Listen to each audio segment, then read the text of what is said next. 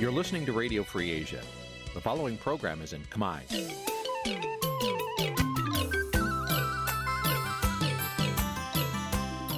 Nǐ chi càm bi tiệp xáy vệt chiu a zì sê ray នេះជាកម្មវិធីផ្សាយរបស់ Vithu Azisaray ជាភាសាខ្មែរ វត្តឈូអាស៊ីសេរីសូមស្វាគមន៍លោកអ្នកនាងទាំងអស់ពីរដ្ឋធានី Washington នៃសហរដ្ឋអាមេរិក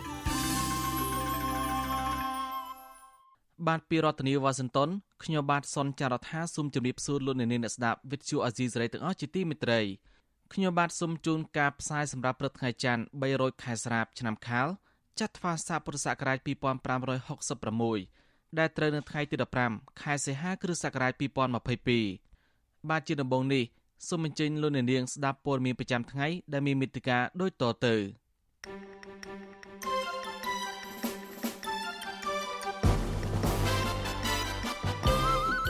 មន្ត្រីអង្គការសង្គមស៊ីវិលចង់ឃើញអាជ្ញាធរអនុវត្តច្បាប់តឹងរឹងលើជនបរទេសដែលល្មើសច្បាប់នៅកម្ពុជាអ្នកវិភាគថាទស្សនកិច្ចរបស់លោកទាបាញ់ទៅប្រទេសចិនអាចឲ្យចិនចំណេញក្នុងការប្រើប្រាស់មូលដ្ឋានកងទ័ពជើងទឹករៀមអញ្ញាធមមិនតន់បៃមុខឃើញជនដែលដល់ដែលព្រោះគ្នាវាសកម្មជនគណបកប្រឆាំងលោកនុលពងត្រិតក្រុមហ៊ុនធ្វើអាជីវកម្មថ្មភ្នំមួយនៅខេត្តបាត់ដំបង ធ្វើខូចខាតផ្ទះសម្បែងរបស់ប្រជាពលរដ្ឋរួមនឹងព័ត៌មានផ្សេងៗមួយចំនួនទៀត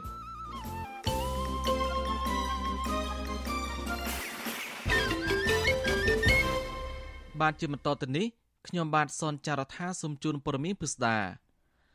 មន្ត្រីអង្គការសង្គមស៊ីវិលស្នើដល់អាជ្ញាធររដ្ឋាភិបាលឲ្យពង្រឹងយន្តការទប់ស្កាត់ជនបរទេសពិសេសគឺជនជាតិចិនដែលពួកគេតែងតែប្រព្រឹត្តបទល្មើសនៅកម្ពុជា ការស្នើនេះ បន្ទាប់ពីវត្តមានជនជាតិចិនមួយចំនួនលើទឹកដីកម្ពុជាបានបង្កអសន្តិសុខសង្គមតាមរយៈការសម្លាប់មនុស្សរត់ពន្ធគ្រឿងញៀននិងការចាប់បង្ខំមនុស្សធ្វើទរណកម្មជំរិតទារប្រាក់ជាដើមបាទពីរដ្ឋធានីវ៉ាស៊ីនតោនលោកមេរិតរាយការណ៍ព័ត៌មាននេះក្រោយពីលំហូរនៃវត្តមានជនជាតិចិនដ៏ច្រើនលើសលប់ចូលមកបើកចំនួនធ្វើអាជីវកម្មនៅក្នុងខេត្តព្រះសីហនុ អំពើឃាតកម្មបាញ់សម្លាប់មនុស្សនិងបញ្ហាអសន្តិសុខសង្គមជាច្រើន ដែលភាគច្រើនបង្កឡើងដោយជនជាតិចិន បានបន្តកើតមានជាបន្តបន្ទាប់មន្ត្រីសម្របសម្រួលសមាគមការពារសិទ្ធិមនុស្សអាត់ហុកប្រចាំខេត្តព្រះសីហនុអ្នកស្រីជីបសុធារីប្រាវិសុយស៊ីស្រីនៅថ្ងៃទី14ខែសីហាថាទីក្រុងព្រះសីហនុដំបងឡើយប្រជាពលរដ្ឋរស់នៅ មានសុខដុមរមនាអ្វីត្បិតតែគ្មានអគារទីក្រុងរណបដោយនាពេលបច្ចុប្បន្ននេះយ៉ាងណាក្តី ក៏ប៉ុន្តែអ្នកស្រីថាក្រោយពីរដ្ឋាភិបាល បានបើកចំហឲ្យជនបរទេសជាពិសេសជនជាតិចិនចូលមកវិនិយោគនៅក្រុងព្រះសីហនុច្រើនលើសលប់ករណីបទល្មើសនិងអក្រិតកម្មនានាដែលមិនធ្លាប់កើតមានពីមុនមកនោះពេលនេះកំពុងតែកើតមានឡើងជាបន្តបន្ទាប់អ្នកស្រីជីបសុធារីថាជនជាតិចិនដែលប្រព្រឹត្តបទល្មើសនៅក្នុងខេត្តព្រះសីហនុភ ieck ច្រើនគឺតាក់ទងនឹងបញ្ហាជំពាក់បំណុល អ្នកស្រីលើកឡើងបន្តថាបញ្ហាជំពាក់បំណុលនេះគឺដោយសារតែជនជាតិចិន នៅតែប្រព្រឹត្តអំពើភ្នាល់លបែងតាមអនឡាញដោយខុសច្បាប់នៅតាមអគារសហគ្រាសមួយចំនួននៅក្នុងខេត្តព្រះសីហនុបើទោះបីជារដ្ឋាភិបាលបានប្រកាសបិទលបែងប្រភេទនេះកាលពីឆ្នាំ2019កន្លងទៅក៏ដោយក្តី អ្នកស្រីបន្តទៀតថាដោយសារតែវិស័យបនលបែងខុសច្បាប់នៅក្នុងខេត្តព្រះសីហនុនៅតែបន្តដំណើរការបែបនេះហើយទើបបានជាធ្វើឲ្យជនជាតិចិនមួយចំនួនហ៊ានប្រព្រឹត្តបទល្មើសគ្រប់បែបយ៉ាងរាប់ទាំងការសម្លាប់មនុស្សនិងការចាប់ចម្រិតទារប្រាក់ជាថ្នូវនឹងការដោះលែងជនរងគ្រោះជាដើម។ ប៉ុន្តែសំខាន់អ្វីដែលយើងព្រួយបារម្ភថាការពង្រៀបជូនអំពីលទ្ធផលនៃការធ្វើសវនកម្មហើយការសម្ដែងផ្ដន់ទាទោសកម្រិតសាលាដំបងថ្នាក់ខេត្តនេះតើច្បាប់ប្រទេសកម្ពុជានឹងសមត្ថកិច្ចសាលាការនឹងលោកការផ្ដន់ទាទោសពួកគាត់កម្រិតណាព្រោះយើងចង់ឲ្យជនដែលប្រព្រឹត្តបទល្មើសនឹងគាត់បានទទួលទោសដើម្បីជាការប្រមានកុំឲ្យមានបញ្ហាទាំងអស់នឹងកើតមានឡើងទៀតវិសុវស៊ីស្រីមិនទាន់អាចតាក់ទងស្នងការនគរបាលខេត្តព្រះសីហនុលោកជួននរិនដើម្បីសាកសួរពីបញ្ហានេះបាននៅឡើយទេនៅថ្ងៃទី14ខែសីហាក៏ប៉ុន្តែលោកធ្លាប់ប្រាប់វិសុវស៊ីស្រីថាបទល្មើសនានានៅក្នុងខេត្តព្រះសីហនុមិនមែនជារឿងរ៉ាវគួរឲ្យព្រួយបារម្ភនោះឡើយដោយសារតែសមត្ថកិច្ចជំនាញបង្ក្រាបក្រុមជនល្មើសបានជាបន្តបន្ទាប់លោកជួននរិនទទួលស្គាល់ថាជនជាតិចិនមួយចំនួនបានលួចប្រើប្រាស់អាវុធខុសច្បាប់ប្រព្រឹត្តបទល្មើសនៅលើទឹកដីខ្មែរមែន លោកអាហាងថាសមាជិកក៏កំពុងបន្តការស៊ើបអង្កេតរកអ្នកដែលពាក់ព័ន្ធលើករណីជួញដូរអាវុធនេះដើម្បីយកមកអនុវត្តតាមផ្លូវច្បាប់អ្នកណាក៏ដោយមិនមែនថាជនជាតិចិនឬជនជាតិណាទេតែប្រើប្រាស់អាវុធដែលខុសច្បាប់កាន់កាប់ដែលខុសច្បាប់អនុវត្តដោយច្បាប់ដែលយើងមានមិនលើកលែងទេទោះបីជាយ៉ាងណា អ្នកខ្លំមើលថាការអះអាងរបស់ស្នងការនគរបាលខេត្តប្រសែននុរូនេះ ហាក់មិនទាន់មានឆន្ទៈគ្រប់គ្រាន់នៅក្នុងការចាត់វិធានការទប់ស្កាត់ជនបរទេសដែលប្រព្រឹត្តបទល្មើសជាពិសេសជនជាតិចិនដែលតែងតែប្រើប្រាស់កំភ្លើងបាញ់សម្លាប់មនុស្សនៅលើទឹកដីខ្មែរឲ្យមានប្រសិទ្ធភាពនៅឡើយទេកាលពីយប់ថ្ងៃទី15ខែមិថុនាក្រុមអ ுக ្រិតជនជនជាតិចិននិងជនជាតិវៀតណាមមានគ្នាប្រមាណ10នាក់បានទាស់ពាក្យសម្ដីជាមួយអ្នករត់ម៉ូតូកង់3ម្នាក់ ដែលជាជនជាតិខ្មែរហើយបានដកកំភ្លើងបាញ់ភ្ជុងអ្នករត់ម៉ូតូកង់3រូបនោះដែលស្ថិតនៅក្នុងខេត្តព្រះសីហនុភ្លាមភ្លាមក្រោយពីកើតហេតុក្រុមអ ுக ្រិតជនទាំងនោះបានដកកំភ្លើងបាញ់រះមកលើក្រុមសមត្ថកិច្ចបណ្ដាលឲ្យសមត្ថកិច្ចម្នាក់រងរបួសធ្ងន់ទៀតផងដោយឡែកកាលពីយប់ថ្ងៃទី30ខែកក្កដាជនជាតិចិនមួយក្រុមមានគ្នាប្រមាណជាង10នាក់បានឆ្លោះទាស់តែងគ្នារឿងអាជីវកម្មរបស់ពួកគេបណ្ដាលឲ្យខ្មាន់កំភ្លើងជនជាតិចិនម្នាក់ ដកកំភ្លើងបាញ់សម្លាប់ជនជាតិចិនដូចគ្នាអំពើឃាតកម្មនេះបណ្ដាលឲ្យជនជាតិចិន2នាក់បានស្លាប់ភ្លាមៗនៅក្នុងថ្លុកឈាម និងជនជាតិចិនម្នាក់ទៀតបានរងរបួសធ្ងន់ស្ថិតនៅទីតាំងអគារបនលបែងឈ្មោះ Casino Tongfang Paliran ស្ថិតនៅក្នុងខេត្តព្រះសីហនុក្រោយពីរំលងបានប្រមាណថ្ងៃក្រោយករណីអំពើឃាតកម្មនេះគឺឈានចូលដល់យប់រំលងអាត្រិតចូលដល់ថ្ងៃទី9ខែសីហា ស្រាប់តែមានជនជាតិចិនមួយក្រុមទៀតមានគ្នា5នាក់បានដកកំភ្លើងបាញ់ជនជាតិចិនដូចគ្នា2នាក់បណ្ដាលឲ្យជនជាតិចិនម្នាក់ស្លាប់ភ្លាមៗនៅក្នុងរថយន្តនិងម្នាក់ទៀតរងរបួសធ្ងន់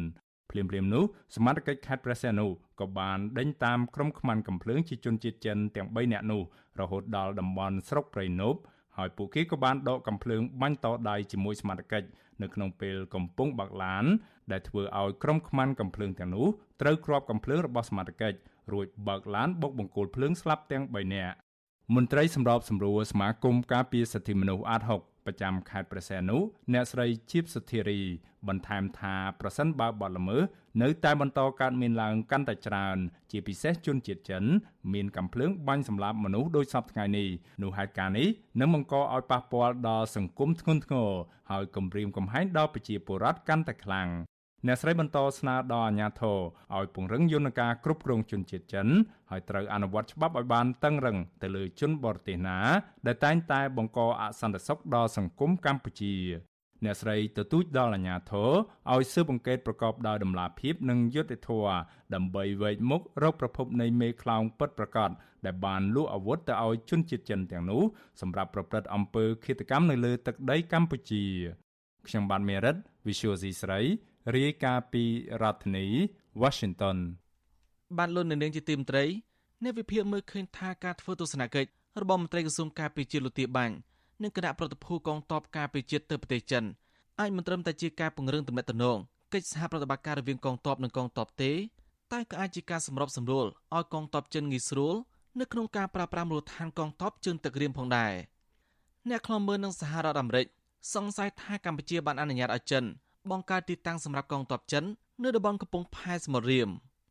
បានពីរដ្ឋធានីវ៉ាស៊ីនតោនអ្នកស្រីសុជីវីរាយការណ៍ព័ត៌មាននេះក្នុងដំណើរទស្សនកិច្ចរបស់រដ្ឋមន្ត្រីការពារជាតិលោកទាបាញ់ទៅកាន់ប្រទេសចិន កាលពីថ្ងៃទី13ខែសីហាអ្នកវិភាគព្រួយបារម្ភថាកម្ពុជាអាចជួយសម្រួលទៅដល់ការប្រើប្រាស់ទីតាំងមូលដ្ឋានកងទ័ពជើងទឹក នៅសមុទ្ររៀមក្នុងកលៈទេសៈណាមួយដែលប្រទេសចិនត្រូវការ។ ចំពោះទំនាក់ទំនងរវាងប្រទេសមហាអំណាចជាមួយនឹងប្រទេសតូចដូចជាប្រទេសកម្ពុជា កម្ពុជាពិតជាខាត់បងប្រយោជន៍ជាច្រើននិងអាចរងសម្ពាធពីប្រទេសមហាអំណាចដទៃចោទប្រកាន់កម្ពុជាថាចូលដៃជើងជាមួយចិនលើសពីនេះប្រទេសចិន អាចយកកម្ពុជាសម្រាប់ជាតំបន់តតាំងក្នុងចំនួនរបស់ប្រទេសមហាអំណាចនៅថ្ងៃមុខអ្នកវិភាគនយោបាយលោកកឹមសុខប្រាប់វិទ្យុអាស៊ីសេរីនៅរសៀលថ្ងៃទី14ខែសីហាថាទំនាក់ទំនងរវាងចិននិងកម្ពុជា គឺកម្ពុជាមានបំណងចង់បានការគ្រប់គ្រងពីប្រទេសចិនក្នុងការផ្ទេរអំណាចពីឪពុកទៅកូនគឺពីលោកយមត្រីហ៊ុនសែនទៅលោកហ៊ុនម៉ាណែតនៅពេលខាងមុខពេលដែលកម្ពុជាពឹងចិនហើយចិនក៏មានលេសទាសគុណសម្រាប់ជាធ្នូឲ្យកងទ័ពចិន បានបោះទីតាំងនៅដែនសមុទ្រកំពង់ផែរៀមលោកបន្តថាពេលនោះកម្ពុជានឹងធ្លាក់ចូលទៅក្នុងវិបត្តិនយោបាយរវាងប្រទេសមហាអំណាច និងប្រទេសមហាអំណាចមួយទៀតហើយកម្ពុជាក៏ជាអ្នករងគ្រោះពីការប្រជែងអំណាចនោះ។ ការដែលប្រជាពលរដ្ឋមិនសប្បាយចិត្តមួយទៀតគឺវាធ្វើឲ្យខ្ទាស់ផលប្រយោជន៍នៃវិស័យការពារជាតិកម្ពុជា ដែលត្រូវមានទំនាក់ទំនងទូលំទូលាយរវាងកម្ពុជាសហរដ្ឋអាមេរិកកម្ពុជាអូស្ត្រាលីកម្ពុជាជប៉ុនគឺក្នុងទំនាក់ទំនងកងទ័ពនិងកងទ័ពមិនមែនត្រឹមតែទំនាក់ទំនងកងទ័ពនៃគណៈបកប្រជាជនកម្ពុជាជាមួយនឹងកងទ័ពចិននោះទេ ប្រតិកម្មរបស់អ្នកវិភាគនេះធ្វើឡើងបន្ទាប់ពីរដ្ឋមន្ត្រីការពារជាតិលោកទាបាញ់បានដឹកនាំគណៈប្រតិភូខ្មែរទៅទស្សនកិច្ចប្រទេសចិន កាលពីថ្ងៃទី13ខែសីហាសេចក្តីប្រកាសព័ត៌មានរបស់ក្រសួងការពារជាតិកាលពីថ្ងៃទី12ខែសីហា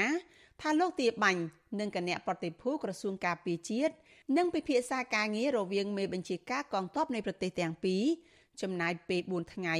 គឺចាប់ពីថ្ងៃទី13ដល់ថ្ងៃទី16ខែសីហា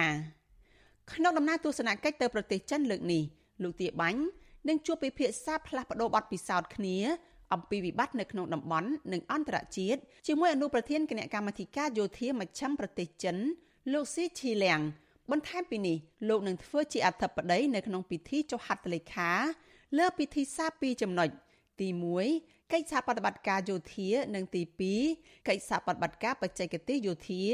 ក្នុងការពង្រឹងសមាជិកភាព លើកកម្ពស់ស្មារតីកងទ័ពនិងអាចធ្វើឲ្យប្រសើរឡើងនៅហេដ្ឋារចនាសម្ព័ន្ធដែលហៅថាយុទ្ធសាស្ត្រទុននិងយុទ្ធសាស្ត្ររឹងជាការងាយស្រួលឲ្យយោធាទៅប្រើប្រាស់នៅក្នុងវិស័យការពារជាតិវិទ្យុអាស៊ីសេរីមិនអាចតាក់ទងសុំការស្រាយបំភ្លឺជុំវិញរឿងនេះពីអ្នកនាំពាក្យក្រសួងការពារជាតិលោកឈុំសុជាតិនិងអ្នកនាំពាក្យរដ្ឋាភិបាលលោកផៃស៊ីផានបានទេ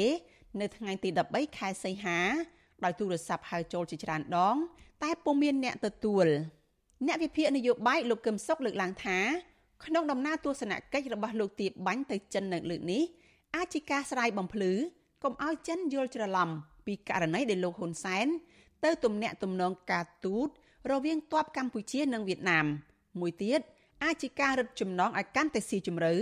ដើម្បីឲ្យប្រទេសចិនការពារអំណាចរបស់គណៈបកប្រជាជនកម្ពុជា ក្នុងការក្រាញអំណាចមិនឲ្យគណៈបកប្រឆាំងណាមួយ អាចផ្ដួលរំលំគណៈបកប្រជាជនបានឡើយមិនដឹងថាលោកហ៊ុនម៉ាណែតសន្យាបែបណាជ្រៅបណ្ណាជាមួយយួនហើយលោកហ៊ុនសែនក៏សន្យាបែបណាជ្រៅបណ្ណាជាមួយចិនដែរអញ្ចឹងហើយលោកហ៊ុនសែននិងលោកហ៊ុនម៉ាណែតនឹងคล้ายទៅជាគុណអុកទៅហើយរបស់យួននិងចិនពេលដែលលោកហ៊ុនសែននិងលោកហ៊ុនម៉ាណែតคล้ายទៅជាគុណអុក យួននឹងចិនទៅហើយដូច្នេះលោកហ៊ុនសែននិងលោកហ៊ុនម៉ាណែតដែលកំពុងដឹកនាំកម្ពុជានាំឲ្យកម្ពុជាคล้ายទៅជាកូនអុករបស់យួននិងចិនរដ្ឋាភិបាលលោកហ៊ុនសែនរងការចោទប្រកាន់ថាបានរួចចុះកិច្ចព្រមព្រៀងសម្ងាត់ជាមួយប្រទេសកុម្មុយនីសចិនដើម្បីអនុញ្ញាតឲ្យកងទ័ពចិនបោះទីតាំងឈរជើងលើទឹកដីខ្មែរសារព័ត៌មានល្បីឈ្មោះរបស់សហរដ្ឋអាមេរិក The Wall Street Journal បានរាយការណ៍កាលពីខែកក្កដាឆ្នាំ2019ថា កិច្ចព្រមព្រៀងសម្ងាត់នោះអនុញ្ញាតឲ្យកងទ័ពចិនគ្រប់គ្រងកំពង់ផែកងទ័ពជើងទឹករៀមផ្ដាច់មុខរហូតដល់ទៅ30ឆ្នាំហើយកិច្ចព្រមព្រៀងនេះអាចបន្តរៀងរាល់10ឆ្នាំម្ដងអ្វីត្បិតតែរដ្ឋាភិបាលកម្ពុជានិងចិន បានចេញមុខបដិសេធរឿងនេះក្តីប៉ុន្តែភាគីទាំងពីរមិនដែលបង្ហាញភ័ស្តុតាង និងព័ត៌មានដែលគួរឲ្យជឿទុកចិត្តបានឡើយលើសពីនេះទៀត មូលដ្ឋានទ័ពជើងទឹករៀមដែលត្រូវគេសង្ស័យពីវត្តមានយោធារបស់ចិនជាច្រើនឆ្នាំមកហើយនោះបានប្រែប្រួលខ្លាំងនៅក្នុងរយៈពេលប្រមាណឆ្នាំចុងក្រោយនេះសំណង់ថ្មីថ្មីមួយចំនួនរួមទាំងហេដ្ឋារចនាសម្ព័ន្ធដទៃទៀតបានលេចចេញជារូបរាងឡើងគណៈមន្ត្រីកម្ពុជាវាយកំទេចអាគារដែលជាជំនួយរបស់អាមេរិកដោយគ្មានជូនដំណឹងទុកជាមុនព្រមទាំងមានសកម្មភាពបូមខ្សាច់ស្ដារជំរឿទឹកសមុទ្រនៅមូលដ្ឋានកងទ័ពជើងទឹករៀមនោះជាដើម ក្រុមអ្នកខ្លំមើលថាបើទោះបីជាមានការបកស្រាយត្រឹមតែការលើកឡើងជាសាធារណៈពីសំណាក់លោកហ៊ុនសែននិងមន្ត្រីរបស់លោកក៏ដោយក៏មិនអាចលៀងជំរះមន្ទិលសង្ស័យពីសហរដ្ឋអាមេរិកបានដែរ។នាងខ្ញុំសុជីវីវិទ្យុអាស៊ីសេរីពីរដ្ឋធានី Washington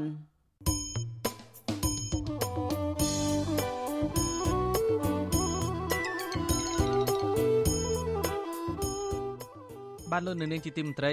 ដំណើរគ្នានឹងស្ដាប់ការផ្សាយរបស់វិទ្យុអាស៊ីសេរីតាមបណ្ដាញសង្គម Facebook និង YouTube លោកនាងក៏អាចស្ដាប់ការផ្សាយរបស់វិទ្យុអាស៊ីសេរីតាមរលកធាតុអាកាសខ្លីឬ Shortwave តាមកម្រិតនិងកម្ពស់ដូចតទៅនេះ។ពេលព្រឹកចាប់ពីម៉ោង5កន្លះដល់ម៉ោង6កន្លះតាមរយៈរលកធាតុអាកាសខ្លី12140 kHz ស្មើនឹងកម្ពស់ 25m និង13715 kHz ស្មើនឹងកម្ពស់ 22m ពេលយប់ចាប់ពីម៉ោង7កន្លះដល់ម៉ោង8កន្លះ តាមរយៈរលកធាតុអាកាសខ្លី9960 kHz ស្មើនឹងកម្ពស់ 30m 12140 kHz ស្មើនឹងកម្ពស់ 25m និង11885 kHz ស្មើនឹងកម្ពស់ 25m បាទសូមអរគុណ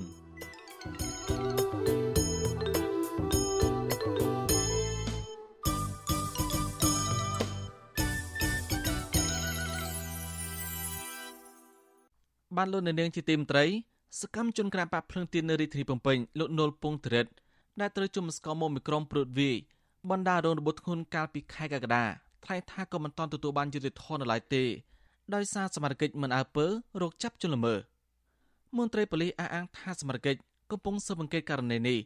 ក៏ប៉ុន្តែលទ្ធផលមិនលឿនតាមចិត្តដូចជនរងគ្រោះចង់បានទេ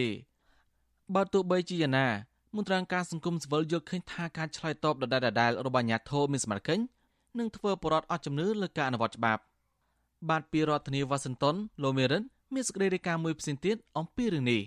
សកម្មជនគណបកភ្លើងទីនម្នាក់នៅខណ្ឌពោធិ៍សែនជ័យរាជធានីភ្នំពេញដែលត្រូវជន់មិនស្គាល់មុខព្រួតវាយទាំងកណ្ដាលថ្ងៃកន្លងមក ទាមទាររោគយុទ្ធធរពីអាជ្ញាធរពាក់ព័ន្ធ សកម្មជនរូបនោះយល់ថាភាពយឺតយ៉ាវនិងការរក្សាភាពស្ងប់ស្ងាត់នៃសំណុំរឿងនេះពីមួយថ្ងៃទៅមួយថ្ងៃ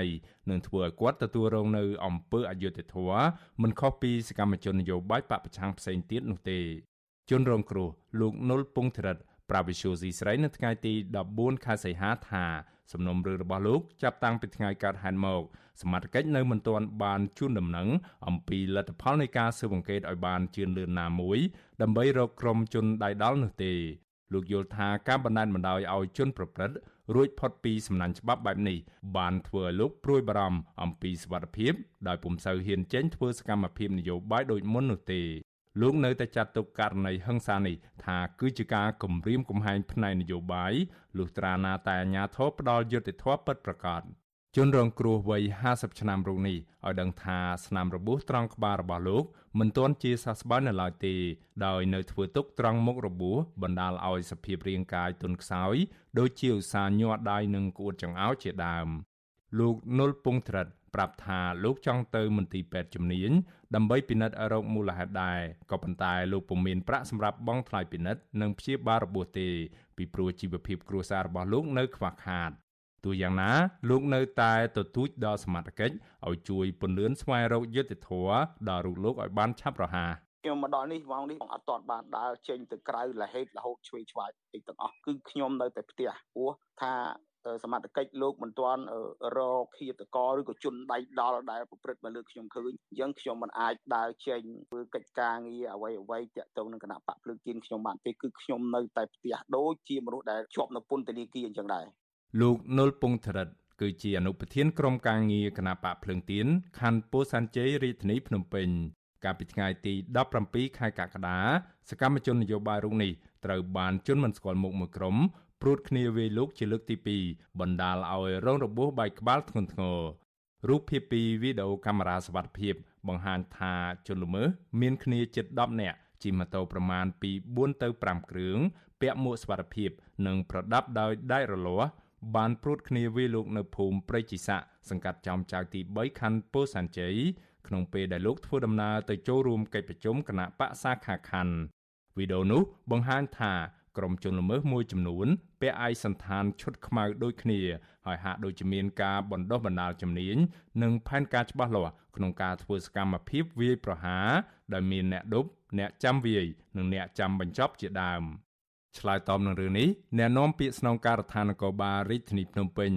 លោកសានសុកសៃហាប្រាវិឈូស៊ីស្រីថាប៉ូលីសកំពុងស្រាវជ្រាវករណីហិង្សានេះដោយខាងលោកត្រូវការពេលវេលាបន្ថែមទៀតលោកបន្តថាសមាជិកមិនអាចស្រាវជ្រាវលឿនដោយតាមការចង់បានរបស់ជនរងគ្រោះនោះឡើយ លោកសានសុកសីហាថាបើសិនជាសមាជិកនៅមិនទាន់វាតម្លៃអំពីលទ្ធផលនៃការស្រាវជ្រាវចុងក្រោយនោះទេដូច្នេះលោកថាមហាជនមិនត្រូវចាត់ទុកករណីហិង្សាកន្លងមកជាប់តាក់ទងនឹងរឿងនយោបាយនោះទេ ដូចជាមិនមានការយឺតយ៉ាវដូចខ្ញុំបានបញ្ជាក់អញ្ចឹងគ្លៀបគ្លៀបយើងទទួលពីបណ្ឌិតទៅធ្វើការស្រាវជ្រាវប៉ុន្តែគ្រាន់ថាស្រាវជ្រាវវាត្រូវការរយៈពេលប៉ុណ្ណាអានេះវាត្រូវការទីសងលើតាក់ទងករណីជាក់ស្ដែងព្រោះដូចខ្ញុំបានបញ្ជាក់អញ្ចឹងករណីខ្លះក៏លឿនករណីខ្លះក៏វាត្រូវការពេលវេលាមួយដែរមិនមែនចេះតែយើងដាក់មកករណីគ្រប់ករណី100ករណីយើងអាចបានចង្អត់ទោះជាយ៉ាងណាជនរងគ្រោះដែលភិជាច្រើនជាសកម្មជនគណៈបណ្ឌនយោបាយនៅតែអះអាងថាជាច្រើនឆ្នាំមកនេះ គ្មានករណីណាមួយត្រូវបានអាជ្ញាធរបង្ហាញលទ្ធផលនៃការស៊ើបអង្កេតឬភ័ស្តុតាងនិងចាប់ជនដៃដល់យកមកដាក់ទោសទណ្ឌតាមផ្លូវច្បាប់ដើម្បីផ្ដល់ទំនុកចិត្តនិងទប់ស្កាត់អំពើហិង្សាផ្នែកនយោបាយនោះទេជុំវិញរឿងនេះប្រធានសមាគមការពារសិទ្ធិមនុស្សអាត6លោកនីសុខា មានប្រសាសន៍ថាករណីហិង្សាលើលោកនុលពងធិរិតដែលមានវីដេអូឃ្លីបបង្ហាញពីសកម្មភាពជនប្រព្រឹត្តហិង្សាកន្លងមកអាញាធមមិនគួរយឺតយ៉ាវ ក្នុងការវែកមុខនិងនាំខ្លួនជនដៃដល់មកផ្ដន់ទាទោសតាមផ្លូវច្បាប់បែបនេះទេលោកសង្កេតឃើញថាអំពើហិង្សាលើសកម្មជនបពប្រឆាំងដែលមាននៅនៃការផ្ទុយពីរដ្ឋាភិបាលអាញាធរហាក់អសមត្ថភាពនៅក្នុងការស្វែងរកយុត្តិធម៌ជូនពួកគេ